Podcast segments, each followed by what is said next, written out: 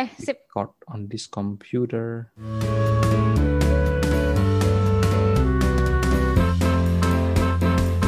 Sugeng Rawuh Boys and Bitches. Apa kabar dunia?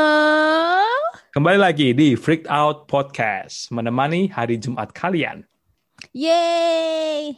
Seru banget Oke. nih udah hari Jumat lagi. Cepat banget ya. Udah hari Jumat, terus eh, udah hari Jumat terakhir ya se- di Iya, bulan Maret ini. nih.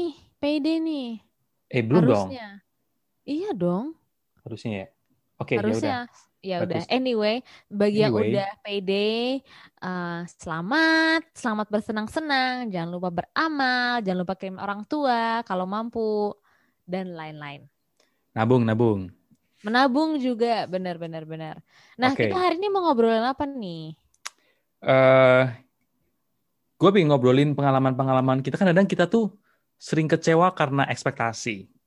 Ya Mm-mm. kayaknya di beberapa episode sebelumnya kita pernah ngomongin tentang ekspektasi basi ya, Firuz ya. Eks- Iya, Cuma- iya bener banget. Ekspektasi basi. Eh, kali ini kita mau yang lebih light, lebih ringan topiknya yang dibawa Mhm. dibawa sans, dibawa sans aja. Di bawah Coba sans telepon. aja ya. Ekspektasi-ekspektasi telepon. kita. Sabar ya Pak, ntar. Itu loh ntar. Iya benar. Halo, bentar lagi podcast. Nanti tak telepon lagi ya. Oke, bye. Buka Lupa di silent. Iya. Oh, om.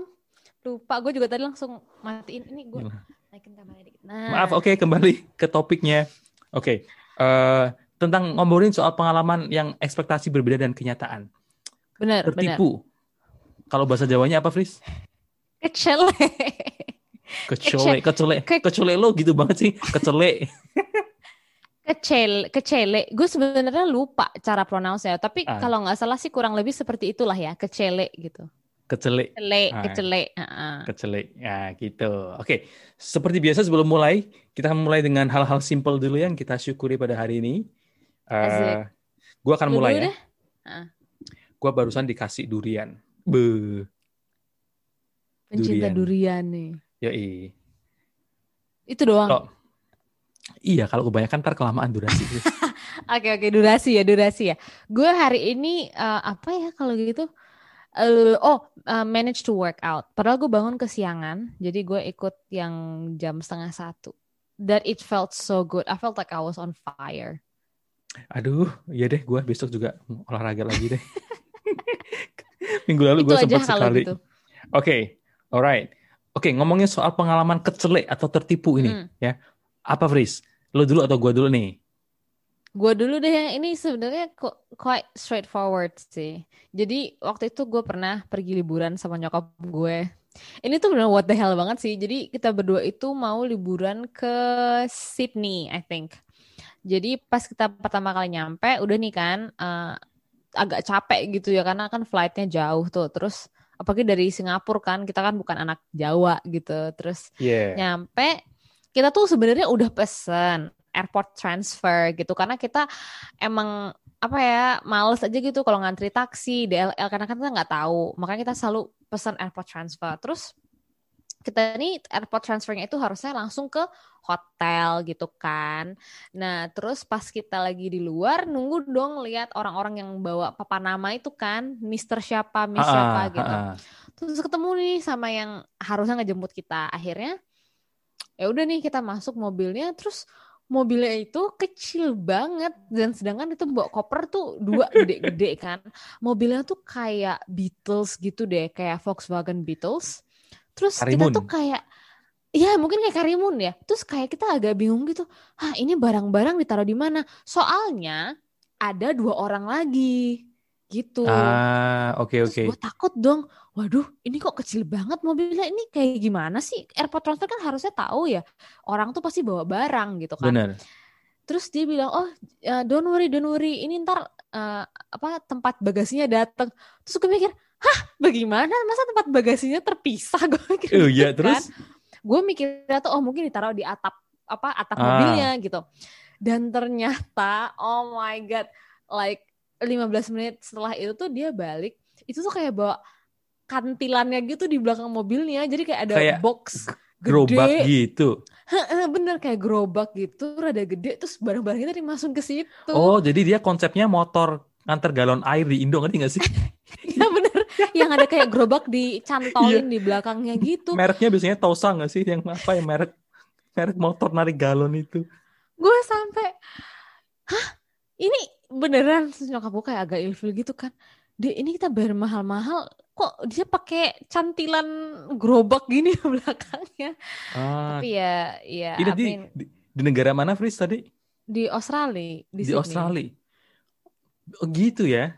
Kok Itu iya kalau makanya ah, gue sampai yang makanya gue kecele banget gitu karena menurut gue kan kayak oh kita udah ready nih kan. Terus eh, apa udah moodnya enak banget gitu kan. Oh, mm-mm. pasti kan modern. Eh, it was actually the first time we we are going to Australia gitu ya.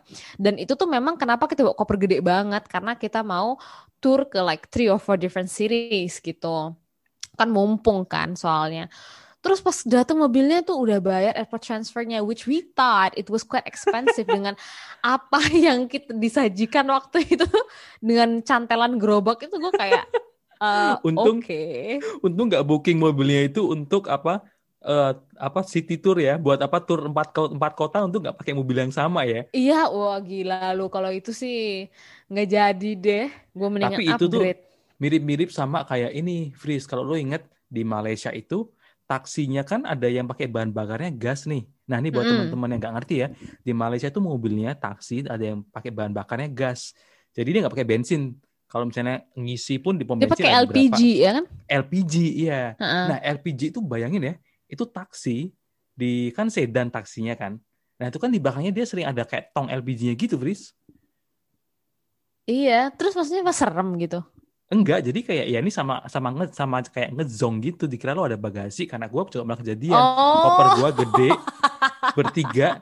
Nah, kita anak-anak student ya, bertiga pulang habis pulang dari Indo, kita sengaja nih jam-jamnya dipasin padahal waktunya dari ada yang gue dari Semarang, ada yang dari eh, apa Sumatera, ada Sulawesi gitu kan. Yuk kita jam segini ya barengan. Iya iya biar chip barengan. in gitu kan taksinya Iya. maksudnya. Eh ternyata zong banget dibuka Ternyata bagasinya tuh ada LPG.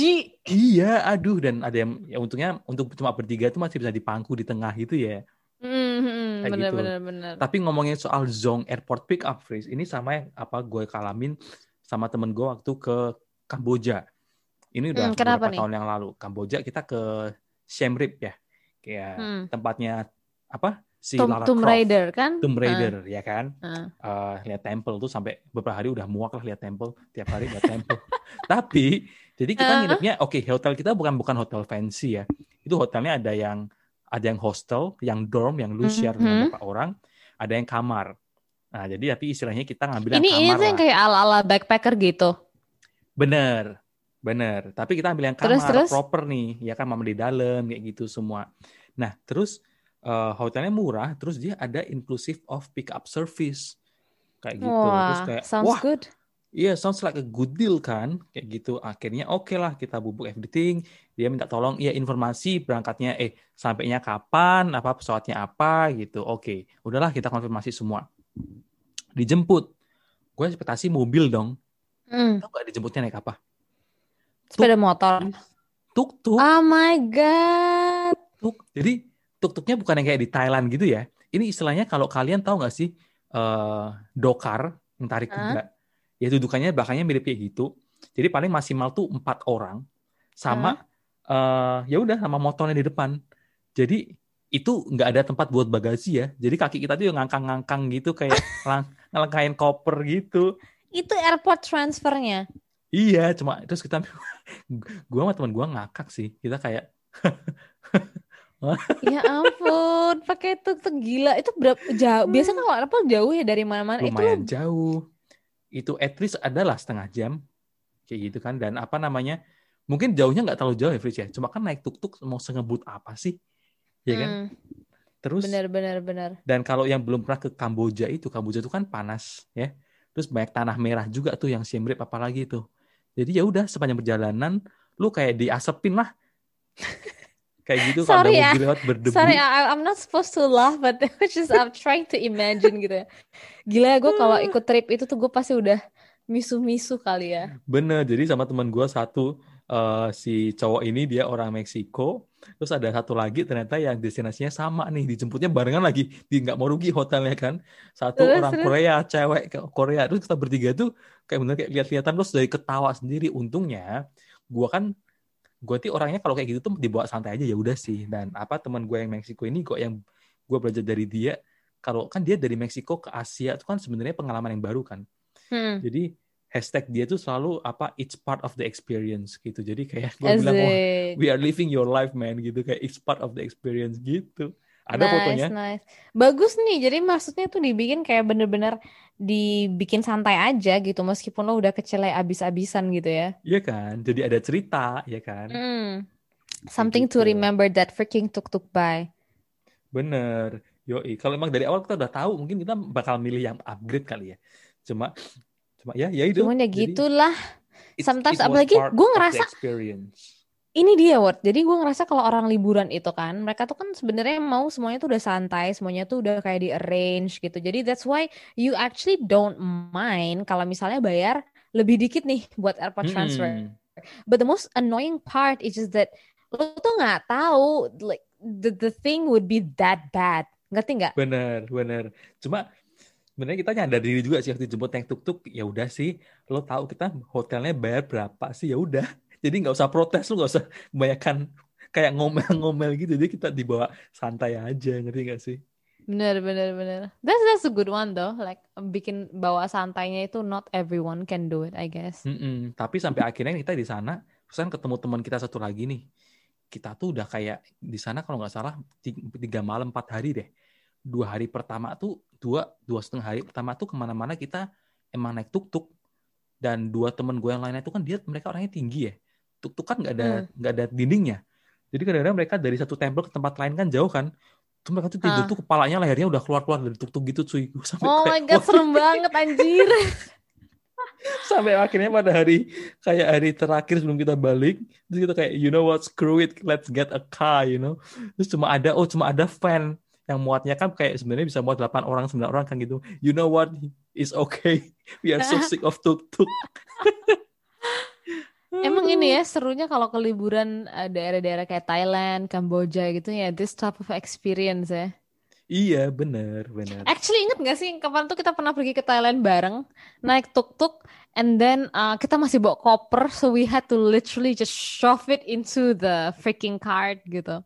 eh Tapi yang ya, di mana ya? a good one. Fris ya Yang itu kan gue dari eh, pesawat, lu juga dari pesawat, terus lo naik kita dari kita turunnya tuh dari airport yang beda kan, and then kita janjian ketemu eh ketemu di BTS station yang paling dekat, which is Oh, that iya, ding. station ya oh kan, iya iya kan iya bener harus bener bawa koper kan, and then we're like, Bener. "Nih, kayaknya kita nggak bisa jalan kaki nih naik tuk-tuk, naik tuk-tuk, ah gimana masukin koper udah masuk ini kita dorong aja, yoi ya gitu deh. Terus, nggak eh, kecelek. ya Ini kecelek kita kebetulan nih barengan nih kita berdua di dalam trip yang sama juga. Kita tuh kecelek banget karena kita makan uh, omelet yang sangat-sangat terkenal, oh ya kan? Uh, yang dimasak, yang masuk Netflix lah, yang ada Michelin Street Food Bener, Star lah, whatever. bener Itu gue keceleknya gara-gara ternyata yang masak bukan dia. Bener. Maksudnya ngintip-ngintip itu kan rada sedikit kecewa ya. Dia tuh kayak sebenarnya mungkin kayak cuma di Dia tuh cuma kayak- etalase ya. Ya, dia tuh kayak face of the restaurant aja, ambassador-nya doang kalau menurut gue. Bener. Jadi mungkin out of 10 omelets mungkin yang dia masak tuh mungkin satu atau dua gitu ya. Satu atau dua, bener banget. Dan unfortunately yang kita makan bukan ini ya, bukan dimasak sama dia. Karena kita literally duduk di belakang orang yang masakin buat kita gitu. Bener. Bener. Dan Jadi apa ya, itu ya emang kayak nggak kepegang sih kalau semua gitu kan. Dan lebih kecil Hmm. lagi bayarnya ya Fris ya.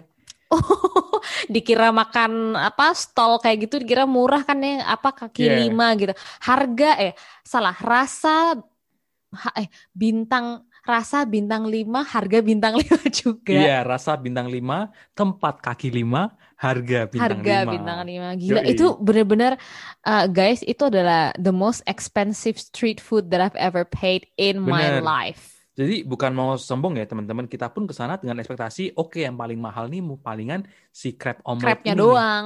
Iya kan? Ternyata crab omelet itu bukan yang paling mahal di sana. Justru itu salah satu yang kayak mid tier, I think gue rasa ya. Fris, ya tengah-tengah ya. Yang Bener, lain tuh bener, justru lebih bener. mahal-mahal lagi. Jadi kita kayak, tapi ya udah sih udah duduk di sana, ngantri udah berapa jam? Masa Dari jam ngantri dari jam dari jam 10. 10 sampai jam Masuk baru jam empat. 3 kayaknya jam eh, 4 ya. jam 4 kita tuh baru makan tuh mulai makan jam 4 gitu ya. Jadi Mm-mm. ya kali masa tiba-tiba nggak jadi makan kan what the hell banget kan. Dan ternyata pas bayar kita makan mungkin cuma 4 dish gitu ya dan harganya Seorang kena berapa, Fris ya? Kalau gue inget itu kalau nggak salah totalnya sekitar 450 ringgit. ya begini pokoknya seorang sekitar 100 ringgitan kena lah ya. ringgit ya, Iya, seratusan ringgit. iya. Itu untuk street food sih mahal banget ya, habisnya kira-kira Iya. satu juta dua ratus. Iya, benar-benar segituan bagi empat orang kayak gitu. Hmm, Terus empat tapi orang. kita udah hampir mau ngebatalin Fris ya.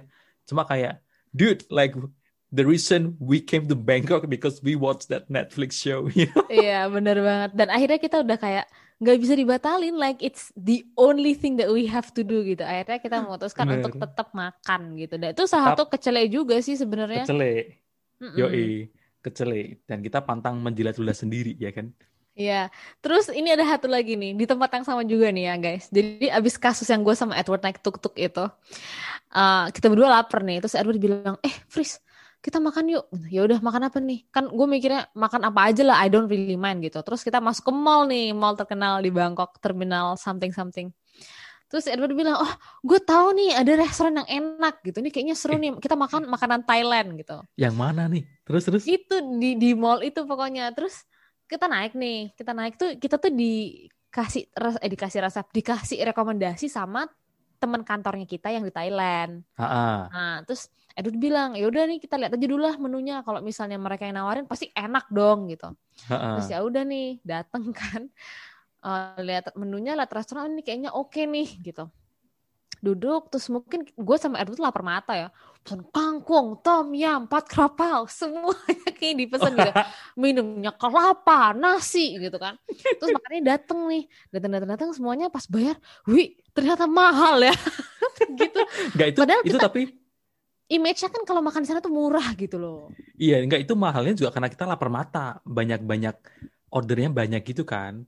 Mm-mm, ordernya banyak. Tapi memang kalau in terms of the food quality memang enak sih. Like Iya, I dan itu it- di posisi yang didn't- kita barusan sampai, baru Ah, ah, mendarat, bener. lapar, kayak masih Ya on holidays ya. euphoria gitu kan kayak Hmm, you know what? Gitu. just screw it makan aja gitu. Dan ya itu ternyata ada kaget ternyata ya barang mahal ya gitu. Tapi ke kecelenya in this case enggak semarah yang crab omelet itulah. Yang crab omelet tuh nggak nggak marah juga sih, cuma enggak kayak marah cuma kayak hah? Yang bener aja Iya. lah gitu. Ternyata terus udah ngantri 6 jam lagi kayak gitu.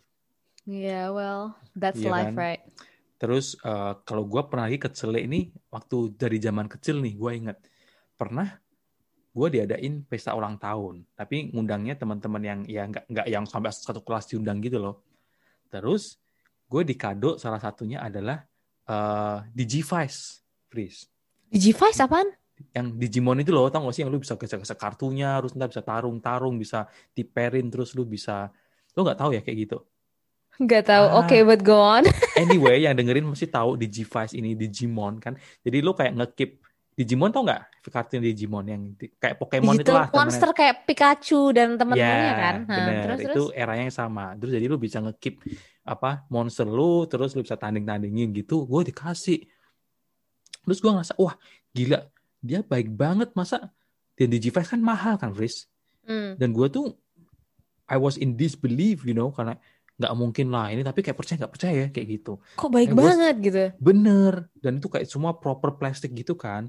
Terus gue sampai rumah, buka, semangat dong. Eh, eh enggak deh, gue belum buka waktu di tempat makannya. Langsung sampai rumah gue buka, wah ternyata Digi, Digivice. Kayak gue semangat dong. Tapi kok ada yang aneh gitu. Somehow tuh nggak nggak mirip-mirip sama yang kayak sering gue lihat. Ternyata, Fris, itu Hmm. Ternyata Digi, Digivice, itu bentuknya jadi Digivice. Dalamnya adalah Tamagotchi. Oh my god, kasihan banget dirimu.